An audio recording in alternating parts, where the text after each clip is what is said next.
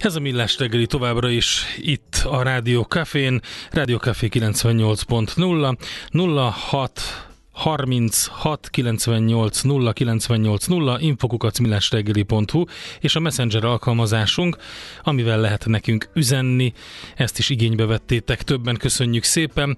A Viberen hírja nekünk Löpapa, hogy az ötös bevezető elesett, a könyves szintén, az ülői befelé csak biciklivel lenne jó, amúgy az ülő is bicikli sáv tobzódik a nedves avartól, nagyon nem baba, mondja Lőpapa, aki még dobozból írta ezt, tehát autóval, úgy látszik, hogy még nem biciklizett. Légy szíves, ne üssétek úgy a billentyűzetet, mert nagyon behallatszik. Hát ez egy ilyen dolog, be fog hallatszani, hogyha valamit kell csinálni, akkor csináljuk. Itt kérem, munka folyik, és ahol munka folyik, ott hol a forgács. Ez a Millás reggeli. Építkezel? Lakást vennél? Eladnád? Bérelnéd? Vagy felújítanád? Vagy befektetési céllal nézed a piacot? Akkor neked való a négyzetméter. A Millás reggeli ingatlan piaci rovata. Azon belül pedig a lakásépítési piaccal foglalkozunk, e, mégpedig egészen pontosan azzal, hogy nagyot zuhant mind a lakásépítések, mind a kiadott építési engedélyek és egyszerű bejelentések száma. Itt van a vonalban Párdi Zsófia, a Társasága Lakásépítésért, Lakásfelújításért Egyesület projektvezetője. Jó reggelt! Jó reggelt kívánok! Mit lehet látni a számokból, mi történik a lakásépítési piacon? Valójában nem lepődtünk meg a tegnapi számokon, hiszen látszott előre, hogy további csökkenés várható mind a átadott lakások számában, mind pedig a, az építési engedélyek és egyszerű bejelentések számában. Tulajdonképpen korábban is már csökkentek ezek a számok, és miután tudjuk, hogy az építési engedélyek azok, kiadott építési engedélyek azok nak csak egy része valósul meg, és épül belőle valójában lakás, ezért az, hogy csak 10.800 lakás épült az első háromnegyed évben 2023-ban, ami 21%-kal kevesebb, mint egy évvel korábban ugyanebben az időszakban, ez nem, nem meglepetés. Sajnos ez megint nagyon alacsony szám. Ugye az elmúlt időszakokban 2013-ban volt a legalacsonyabb éves építési szám, akkor 7000 valamennyi volt ez. Annak örülünk, hogy azért ezt bár volt, voltak erre való utalások is korábban, hogy esetleg még ezt a mélypontot is elérjük, ezt nem értük el, de azért ez nagyon alacsony éves építési számot vetít előre, és az, hogy a lakásépítési engedélyek száma is zuhant 43%-kal, a tavalyi ilyenkorhoz képest, az azt, jelent, azt mutatja, hogy 2024-ben is alacsony számokat fogunk látni. Pont ezt akartam kérdezni, hogy korábban azt lehetett gondolni, hogy 2023 lesz a mélypont, akkor ezek szerint ez egy tendencia, amit látunk, és 2024 lehet most ugye a, a, ezek, arra lehet prognosztizálni, hogy, hogy ez lesz a mélypont. Hát nagyon úgy tűnik, igen, hogy 2024 az még egy, még alacsony számokat látunk, majd nehéz év lesz, legalábbis ami az átadott lakásokat illeti. Ugye a remény az mindig az, hogy beindulnak majd építkezések, hiszen azt például lehet tudni, hogy a nagy társasházépítők azért csőre töltve várják a nagyobb keresletet és az építési lehetőséget, elő vannak készítve projektek, tehát el tudnának indulni, de ugye ezek a nagy lakásépítési projektek, ezek több éves átfutásúak, tehát a magának a, a megépülésnek, a megvalósulásnak hosszabb idő kell, mire az a számokban is megmutatkozik. Egyébként ez egy eléggé um, negatív szám, ez a 43 os csökkenés. Ugye ez a kiadott lakásépítési engedélyek száma, és ez a harmadik negyed év, 43 os csökkenés, és hogyha belegondol az ember, akkor itt ugye a háttérben ez olyanokat érint leginkább, akik például különböző építészeti vagy építési anyagokkal foglalkoznak, mert hogyha megnézzük, akkor az értékesítés eléggé komoly visszaesést szenvedett el. Hát óriási mértékben csökkent a, az építőanyagok eladása. ugye mindig a, azokkal az anyagokkal kezdődik ez, ott látszik először, ahogy a házépítés során, ahogy elindulunk, tehát e, e, például a, a, a szerkezetépítő anyagok, és aztán a végén persze, hogy csatlakozik hozzájuk a, a szigetelés, a festékek, stb. Bár azok a azok az, azoknál az anyagoknál talán kevésbé ö, ö, súlyos ez, ami a lakáskorszerűsítések, lakásfelújításoknál is szükség van. De mindenképpen ez nagyon nagy probléma, már csak azért is, mert az elmúlt évek óriási felfutása közepette, az építőanyaggyártók nagy kapacitásokat építettek fel, gyártók is és a kereskedők is, és ezeket a kapacitásokat nagyon nagy beruházásokkal és évek alatt lehet felépíteni. Most ha ezekre a kapacitásokra nincsen szükség, akkor ezek a kapacitások félé, hogy leépülnek, és aztán majd megint idő kell, és nagyon sok pénz és energia ezeket visszaépíteni egy felfutás idején. Az biztos. Mi, mi az, ami esetleg valami optimizmusra okot adó dolog? Ugye itt változtattak a különböző kedvezményi vagy támogatási rendszereken, Csok Plus, Falusi Csok, Babaváró, esetleg ezek valamennyire életet lehelnek a piacba? Természetesen egy ilyen helyzetben minden olyan intézkedésnek örülünk, amit ami valamiféle anticiklikus jelleget mutat, tehát ami kedvezményt ad, a, a keresletet tudja esetleg növelni.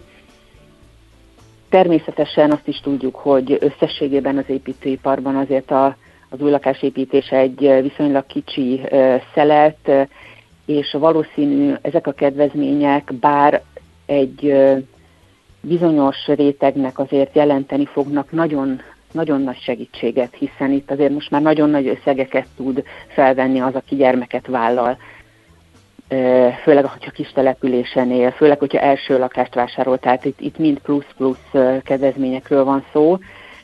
Azért nagyon nagy, nagyon széles réteget ez valószínűleg nem fog elérni, de nyilván, nyilván számítani fog a nullához képest minden segítség azért itt olyan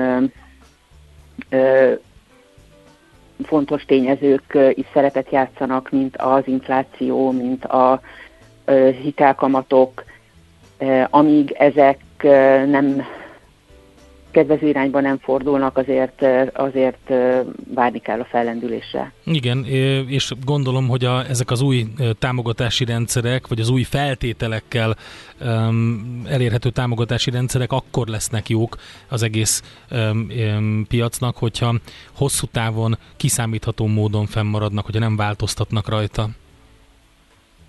Természetesen a kiszámíthatóság nagyon fontos, tehát mi nagyon régóta mantrázzuk ezt, most már azt kell, ezt a szót szoktam használni, mert tényleg ez az egyik legfontosabb dolog, hogy ne egy-két éven belül változzanak ezek a támogatások, lehessen rájuk számítani, és ez fontos a családok számára is, akik azon gondolkoznak, hogy, hogy akkor vállaljanak gyereket, beruházzanak-e valamibe, belefogjanak-e valamiféle lakáscég megvalósításában, és nagyon fontos az ipar számára is, ugye az előbb mondtam a kapacitások kérdését, de akár a szakképzést is, ha nézzük, perspektívát próbálunk adni ugye a fiataloknak, hogy válasszák az építőipari szakmákat, de ha nem látják azt, hogy ott hosszabb távon majd valamiféle jövőjük lesz, és és biztos megélhetésük, akkor kevesebben fogják választani, hiába alakítjuk ki adott esetben remek módon a szakképzési rendszert. Tehát itt nagyon sok összetevője van ennek a dolognak, ami, ami miatt a hosszú távúság, a kiszámíthatóság az nagyon fontos lenne, és persze természetesen tudjuk, hogy a körülöttünk lévő világ sem kiszámítható, de azért egy hosszú távú, vagy legalább egy középtávú koncepció, lakáspolitikai koncepció az nagyon fontos lenne, amihez, kés, amihez aztán persze lehet, igaz, lehet eltérni, és a körülményekhez igazodni, de legalább ha látnánk, hogy évente mondjuk mennyi lakás épülne meg, mennyit kellene felújítani, és erre ehhez volnának hosszú távra rendelt források is, akkor szerintem azért sok mindenkinek jelentene ez támpontot.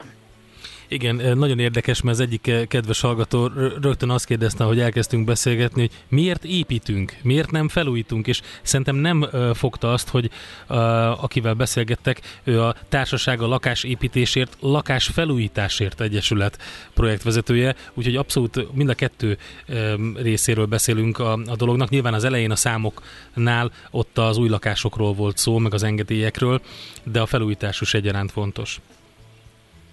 Természetesen, hát most ezek a számok jöttek ki, ugye ez volt az apropója, gondolom a beszélgetésnek, hogy a KSH kiadta ezeket az adményödéves adatokat, viszont nem véletlenül van a mi nevünkben is az, hogy lakásépítés és lakásfelújítás. Mind a kettő nagyon fontos, és ezeket a szembeállításokat mi nem is szeretjük. Tehát mi azt gondoljuk, hogy fontos az új építés is, és fontos a felújítás, sőt, inkább azt mondanám, hogy a, a korszerűsítés, tehát én ezt megkülönböztetném hiszen az energetikai korszerűsítés az, ami most igazán égető és fontos.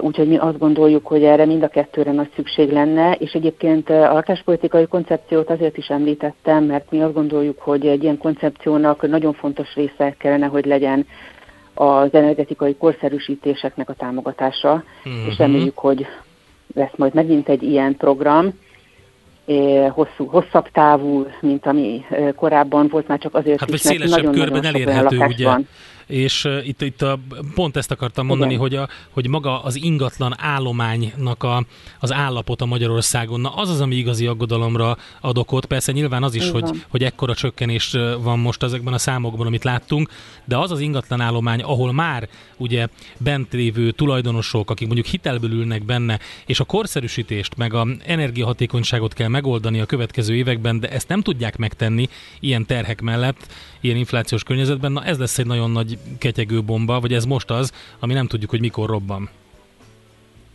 Hát nagyon fontos lenne Magyarországnak a, a lakásállománya nagyon nagy mértékben korszerűsítése szorul, és valóban itt az energia helyzet, egyrészt az energia ellátás, másrészt az energia árak szempontjából is fontos ez, és az életkörülmények, az életminőség szempontjából is nagyon fontos lenne. Sajnos nagyon rosszul teljesít Magyarország, mi is évek óta figyeljük itt a környékbeli, régióbeli országokban is, hogy ez hogy megy, és mindenhol azért sokkal nagyobb mértékben újul meg évente a lakásállomány.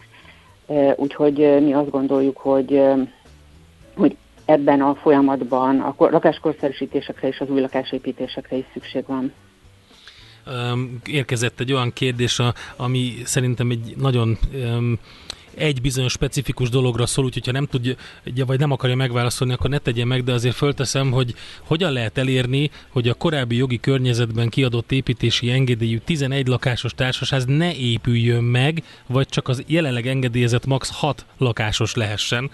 Lehet, hogy itt meg kell keresni direktben az Egyesületet egy ilyen Hát kérdéssel. igen, ez nem az én asztalom, uh-huh. egyáltalán ezt, ez nyilván egy egy konkrét esetről szól, ami persze lehet általánosítani is, de én nem vállalkoznék arra, hogy most erről Igen, a, erre gondoltam én is. nem is ismert szituációról.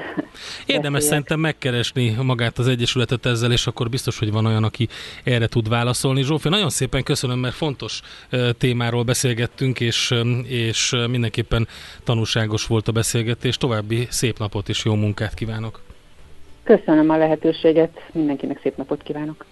Párdi Zsófiával beszélgettünk a Társaság a Lakásépítésért, Lakásfelújításért Egyesület projektvezetőjével.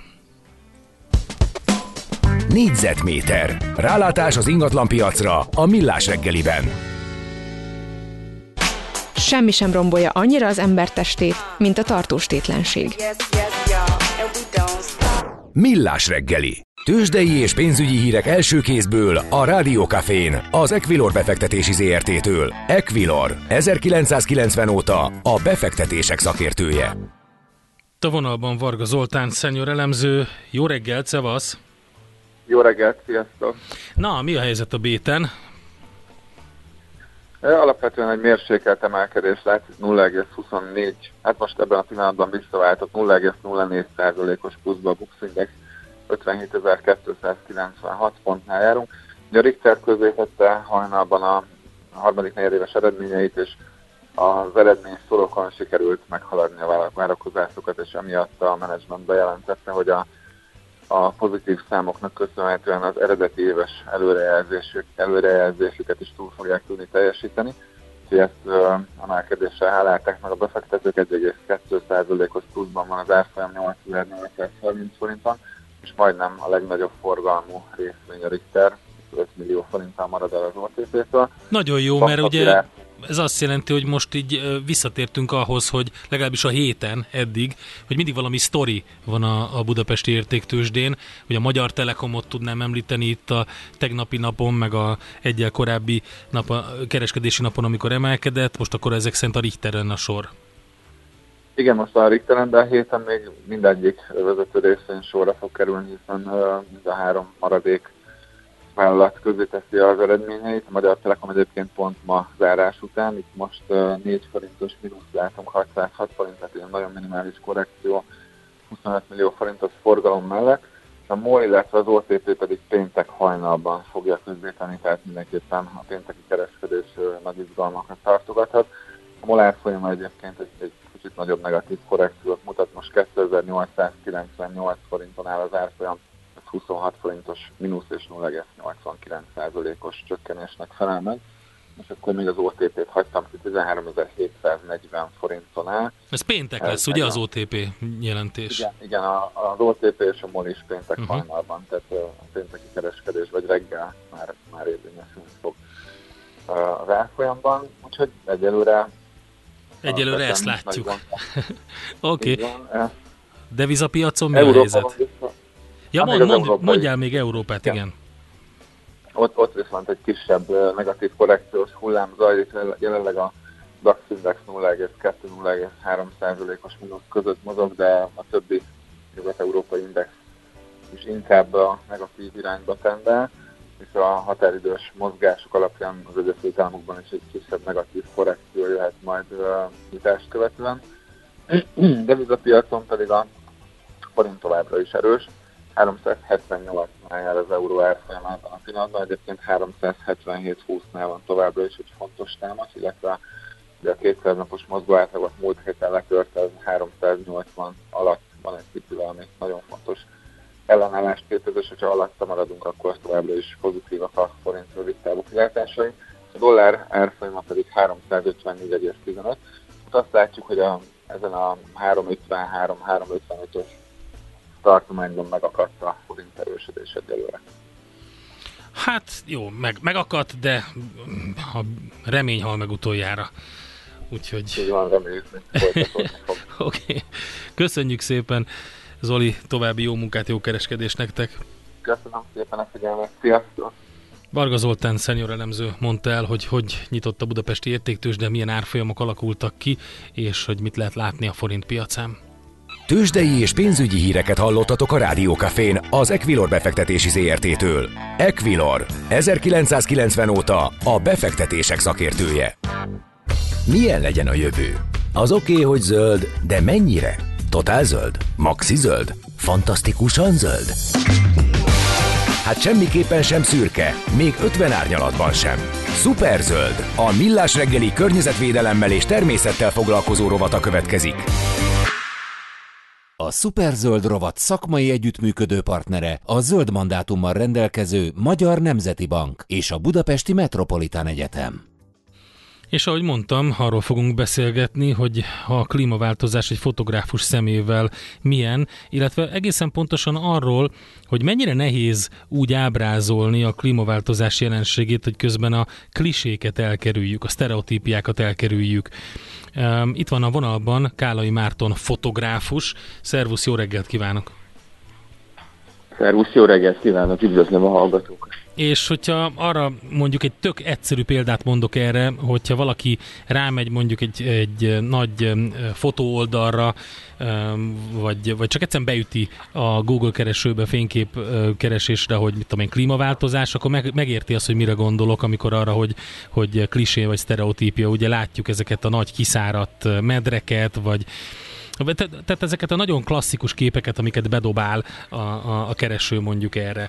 Hogyan lehet úgy megmutatni ezt az egész jelenséget, hogy, hogy ne ez legyen? Mert ugye ez, ez már kicsit úgy ebbe belefásult szerintem az ember, amikor ezt látja, mert ez, ez nem mond már semmit, ez nem érinti úgy meg egy ilyen kép. Ez valóban nagyon nehéz megmutatni. Én a napi munkám során is számtalanszor tapasztalom, vagy szembesülök azzal, hogyha mondjuk azt mondja egy újság számomra, hogy hozzá egy, mutasd meg az asszályt, vagy hozzá egy képet, hogy hogyan lehet nem az elcsépelt e, képeket ábrázolni, és hogyan lehet valami újat mutatni, ugyanis sokszor, hogyha elmegyünk a területre, akkor mi is azt tapasztaljuk, hogy bizony, ami képileg elmondja az, ol, a, az olvasónak, hogy mi az, amit közölni szeretnénk, az igazából nem a, a valódi dokumentarista ábrázolásmód, hanem valamiféle, valamiféle sztereotípia. És ebbe a sorozatba, amit én készítettem, illetve ebbe a kiállításon, ami most látható, arra törekedtem, hogy egy másik végéről fogjam meg ezt a történetet, ezért a kutatói munkát ábrázoltam, ahonnan a, a biztos információ, illetve a bizonyosság ered. Mit értünk itt kutatói munkán? Tehát, hogy meteorológusokat, más típusú kutatókat követtél, és azt ábrázoltad, hogy ők mit csinálnak, és hogy lelik nyomon azt, hogy, hogy mit, mit okoz a klímaváltozás? Így van, tehát én arra törekedtem, hogy a klímaváltozás egyrészt a hatásait, másrészt a klímaváltozás tényszerűségét bemutassam. És fölvettem a kapcsolatot meteorológusokkal, klímakutatókkal, ökológusokkal, biológusokkal, akik az élet különböző területeiről gyűjtik az adatokat és gyűjtik az információt, ami alapján ki lehet jelenteni, hogy miféle változások mennek végbe. És mondok egy példát, hogy például fényképeztem a, az Alföld, Alföldön olyan kutatókat, akik azt modellezik, hogy feltehetően, ha a jelenlegi tendenciák folytatódnak, akkor hogyan fog a kiskunságból vagy az Alföldből egy félsivatagos terület válni. Igen, ez teljesen megdöbbentő, hogy hogy alakult át már jó pár régió Magyarországon, de gondolom, amikor a terepen voltál, akkor láttad ezt, hogy a, a Kubitan lévő cikket, nek, a cikknek az volt a címe, ahol szó van a, a kutatásra, illetve a, a, a projektedről, hogy az egyedi magyar puszta lassan olyanná válik, mint bármelyik észak-amerikai préri, és tényleg ezt lehet látni, de gondolom, te, te mást is tapasztaltál. Igen, ezt a címet, amit idéztél, ezt a Kröldulai György kutató ö, nyilatkozata nyomán adta a Kubit szerzője, egyébként nagyon találó, ugyanis pont arra világít rá, a, amit mi nem tudunk, vagy amit a, talán mindenki a hétköznapokban érez a bőrén az, hogy mondjuk szokatlanul meleg az ősz, vagy nem ilyen időjárásnak kellene lenni most, mint amilyen volt az elmúlt hetekben, az elmúlt napokban, hogy ezt próbáljuk alátámasztani mérésekkel, vizsgálatokkal. Pont ebben az idézett vizsgálatban ugye kiderül az is, hogy nem csak nem egy olyan változás fog bekövetkezni, nem úgy fog átalakulni a gyeppe, mint, a, mint hogyha mondjuk egy 100 vagy 300 kilométert elutaznánk délre, hanem egész egyszerűen vannak a változásokhoz, meg a mostolább körülményekhez nagyon jól adaptálódó fajok, és ezek át, le fogják uralni Észak-Amerikától Dél-Kelet-Ázsiaig az egész terepet. Tehát a sokszínűség veszhet el. Ez érdekes, amit mondtál, pont most olvastam a, um, egy tanulmányt arról, hogy az idei október az a mérések kezdete óta, amióta elindult, azt hiszem a 40-es évek elején indultak ezek a mérések, azóta a legmelegebb volt az egész október, úgyhogy pont itt az össze kapcsolatban. Mindenesetre a, amit említettél, a, a klímaváltozást a mindennapok változásának szintjén bemutató sorozatod az október 24-én nyílt a tárlat ebből a Foton galériában. Az a címe, hogy észleletek, és gondolom, hogy ennek a címnek is köze van ahhoz, hogy hogy, hogy, hogy például kutatókat követtél, és hogy ők mit találtak, vagy legalábbis én ezt hallom ki belőle. Hát ez fontos, így van, ez egy, nyilván ez egy, ez egy részben játékos cím is, mint észleletek, másrészt pedig Magyarországon 156 harmadik évében jár a meteorológiai szolgálat működése. Én régebben meteorológusnak tanultam, és az eltén meteorológus hallgató voltam, és aztán később fotoriporterként visszatértem, amikor 150 éves lett a meteorológiai szolgálat, és akartam egy riportot készíteni az ő működésükről. Pontosan azért, mert ez egy nagyon félreértett szakma szerintem, Ugye nagyon sokan azt mondják, hogy ó, hát úgyse találják el, nem tudnak biztosat mondani, és a szemükre vetik a meteorológusoknak a, az előrejelzésük hatásosságát, meg hatékonyságát. Én meg kifejezetten azt akartam megmutatni, hogy emögött azért van egy komoly tudományos munka, nagyon komoly matematikai, fizikai és földrajzi ismeretek. Úgyhogy eh, az észleletek az a meteorológiából kölcsönzött szó egyébként másrészt, mert a, az egy, a régi, még a 19. századi e, évkönyvekben meteorológiai észleletekként vannak följegyezve a különböző adatok. És ugye itt éghajlatról, meg klímáról beszélünk, tehát ezeket a folyamatoknak a megismerésében kulcsfontosságú az adatsorok hosszúsága. Az, hogy mi vissza tudjunk menni az időre, és azt tudjuk mondani, hogy valóban 1894-ben átlagosan hány fok volt Magyarországon. Tehát gyakorlatilag ez a kiállítás is részben tisztelet ezek előtt az emberek munkája előtt, akik ebbe már akkoriban beletették az energiát, és igazából most tudjuk learatni annak a gyümölcsét, hogy a hosszú távú változásokat így meg tudjuk állapítani. Igen, itt közben eszembe jutott, hogy, hogy pont egy nagyon jól definiálja, vagy mutatja a klímaváltozásnak a hatásait az is, hogy ezek az előrejelző modellek, ezek most mennyire látnak előre, és hogy ez, ez is változott, ugye jelentősen lerövidült. Hát erről igazából a meteorológusokat kellene megkérdezni, hogy, hogy hol tart most ez a dolog, de valóban ö, nyilván van kétféle tendencia, az egyik, hogy a minél nagyobb teljesítményű számítógépek és a minél pontosabb modellek és a, és a változókból kiszámított előrejelzés az egyfelől egyre pontosabb, viszont hogyha mondjuk az időjárás változása az hirtelenebb vagy hektikusabb, akkor ugye elvész ez az előnyünk, és nem fogunk annyi nappal előbbre látni, mint amennyire a, a modell javulása mutatná, hanem ahhoz fogunk igazodni, hogy, hogy milyen az időjárás. Tehát ez egy, ez egy folyamatos versenyfutás. Nyilván az egyik oldalon az egy technológiai kísérlet, hogy mi meddig tudunk előre jutni, de hogyha, hogyha elmegyünk, látjuk, hogy Magyarország ilyen szempontból nem egy extrém vidék. Vannak országok, utazásaink során láthatjuk, ahol az időjárás sokkal változékonyabb. Na most, ahol negyed óránként meg tud változni az időjárás, nyilván ott az előrejelzés sokkal-sokkal nehezebb. Egy kicsikét ezt láthatjuk nálunk is, ugyanis nagyon hektikus jelenségek vannak, akár a, általad az előbb említett, ugye, hogy a nagyon meleg ősz, uh-huh. hogy ennek vannak olyan hatásai, amiket, amiket mindannyian tudjuk, mondjuk azt, hogy kimegyek reggel, és ilyenkor már novemberben elő kellene fordulni, hogy jeget kaparok az autóról, de nem történik meg. Vagy az, hogy tegnap előtt jégeső zúdult a Balatonra. Tehát ezek, ezek olyan változások, amik nagyon hirtelenek. Abszolút. Um, meddig lehet megnézni a tárlatot? Hivatalosan a tárlat az uh, már zárva van, oh. de a, a képek a falon vannak, és uh, például pénteken lesz egy tárlatvezetés, amire lehet jelentkezni, akkor én magam leszek ott a fotongalériában, és körbevezetem az érdeklődőket, illetve jön a, a MUOS fotoriporter képzésének a hallgatói jönnek, és számukra lesz egy szakmai tárlatvezetés, de ahhoz is lehet csatlakozni. Szuper. Itt a fotongalériánál kell érdeklődni? Igen, a Fotongaléria Facebook oldalán is van egy esemény, és ott lehet látni a részleteket, okay. de most pénteken délután négy órától a galéria nyitva áll mindenki számára.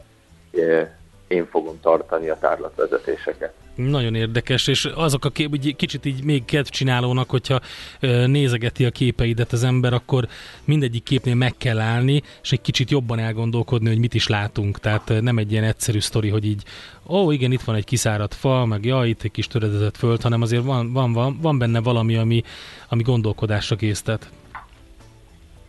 De el kell mondani, hogy ez, egy, ez a kezdeményezés, én ugye, ahogy említettem, két-három évvel ezelőtt elkezdtem a meteorológiai szolgálatról készült riporton dolgozni, de időközben a hollandiai székhelyű NUR fotóügynökség hirdetett egy workshopot, aminek az a címe, hogy hát magyarra lefordítva, hogy a klímaváltozás vizualizációja, és az a célkitűzésük, hogy Európa külön, illetve hát nem Európa, a világ különböző régióiban helyi fotósok erről a témáról alkossanak valamilyen dokumentarista sorozatot. Uh-huh.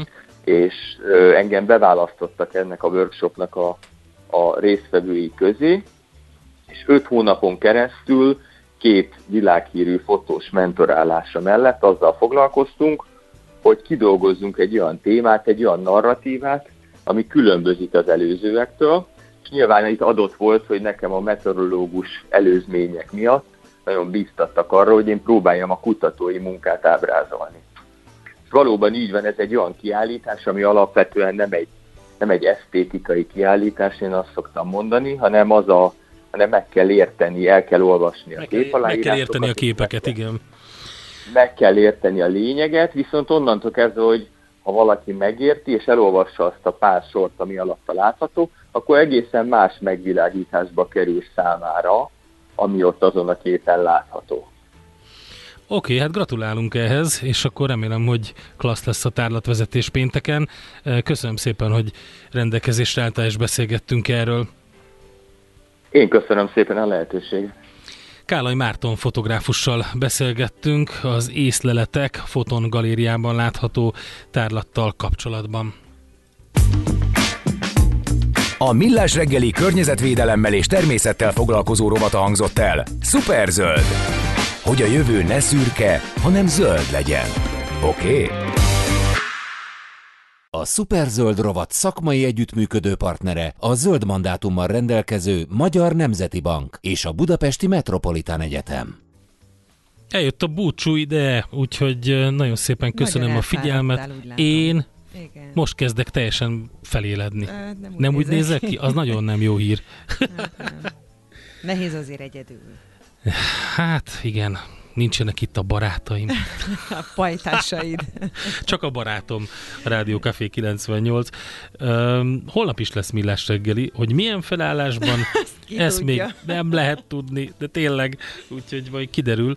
Minden esetre hattól természetesen, ahogy szoktátok hallani az ismétlést, a mai műsornak a legjobb, vagy általunk ítélt legjobb beszélgetéséből, és utána pedig élőben 6.30-tól addig is maradjatok velünk. Nagyon remélem, hogy most már az üzenőfal az abszolút működni fog, de a Facebook az mindig működik, úgyhogy köszönjük szépen azoknak, akik a Messengeren oda írtak. Holnap akkor találkozunk. Sziasztok!